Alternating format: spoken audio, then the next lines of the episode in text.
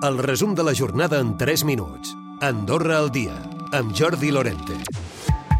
Aberturas muy fuertes, o suelo da minha habitação está muy... está todo aberto de lado e do outro. Está tudo muito fatal. O comedor, a ventana já não cerra, custa a cerrar. És l'Anna Tavares, una veïna afectada d'aquestes 13 famílies de l'edifici de l'Avinguda Santa Coloma que han desallotjat aquest divendres. I és que dimarts començaran els treballs urgents per consolidar el pilar central de la façana i reforçar del tot l'estructura de l'edifici.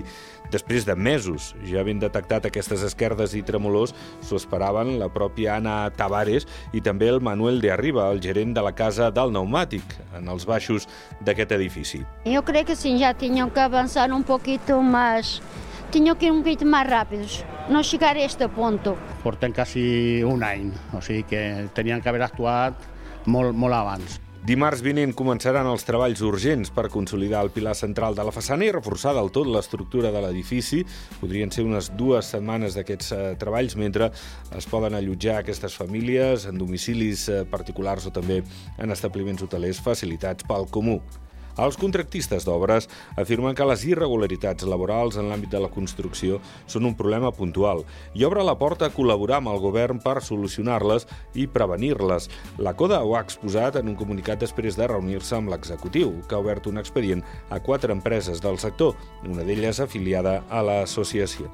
I la Confederació Empresarial es mostra també preocupada pels casos de precarietat en les empreses subcontractades de la construcció, segons diu el director de la patronal, Iago Santiago Andreu. Ha esmentat també que són 4.500 els treballadors en la construcció al país, una petita part dels quals ho fan empreses subcontractades i els casos de precarietat són pocs. Iago Andreu. No, no és que les empreses de la construcció tinguin un, una, una preferència per subcontractar ni de bon tros, no? A més, les xifres així ho demostren. Estem parlant de 200 contra un mercat de 4.500. Tot això s'ha d'anar endreçant I, i, evidentment, jo crec que des de la Confederació Empresarial hem estat els primers sempre a, a dir que s'ha de complir la llei, que s'ha de fer complir la llei, Andorra Startup és la plataforma que ha engegat Andorra Business per mapejar tot l'ecosistema de startup del país. Permet conèixer qui són aquestes empreses i que puguin ser conegudes per a futurs inversors. Ja ha començat el Carnaval. Andorra la Vella inicia la festa, ho ha fet aquest divendres amb la Rua Interescolar, en aquest cas a la capital, a l'Avinguda Santa Coloma. Per primera vegada hi han desfilat els alumnes de tots els centres educatius de la parròquia. En total, més de 2.100. Perquè és